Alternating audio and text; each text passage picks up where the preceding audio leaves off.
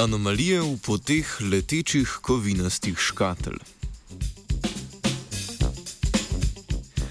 Dobro jutro. Ob opazovanju sonde Juno, raziskovalne sonde, ki krožijo okrog Jupitra, so znanstveniki z Politehnične univerze v Valenciji ugotovili, da se njena hitrost ne sklada z napovedano. Tako so naredili nov model napovedi hitrosti, v katerem so upoštevali možne napake starega modela ter raziskali dodatne vplive na sondino hitrost. Začenši z Einsteinovo teorijo relativnosti, je človek začel zelo natančno napovedovati nebeške pojave. Tako natančno, da nas lahko GPS vodi korak za korakom. Splošna teorija relativnosti zapoveduje, da bo čas na uri na Zemlji tekel počasneje kot na uri satelita v orbiti okrog Zemlje. Ob neupoštevanju te teorije se nenatančnost lokacijskih naprav GPS v enem dnevu poveča za pet velikostnih redov. Za primerjavo, namesto da vam telefon pokaže malo pikico v centru Ljubljane, bi vam orisal krok možnosti vašega nahajanja vse tja do domžal.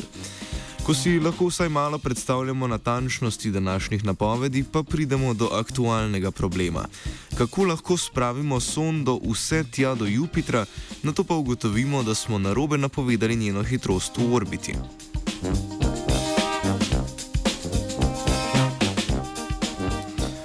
Sonda Juno je bila z Zemlje poslana 5. augusta 2011.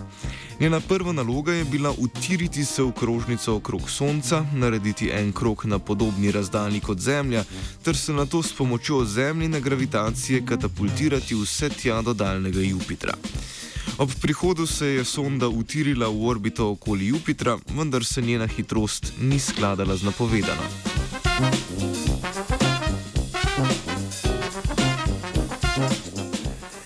Ekipa znanstvenikov iz Valencije je uporabila podatke sonde v lasti ameriške vesoljske agencije NASA in naredila svoj model napovedi sondine hitrosti.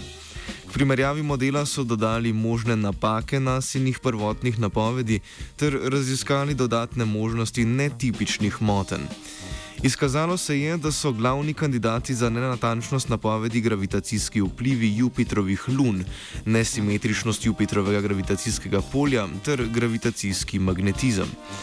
Gravitacijski magnetizem je področje, ki dalje, daje analogije med vplivom relativnostne teorije na dano telo v gravitacijskem polju s premihajočim se delcem v električnem polju.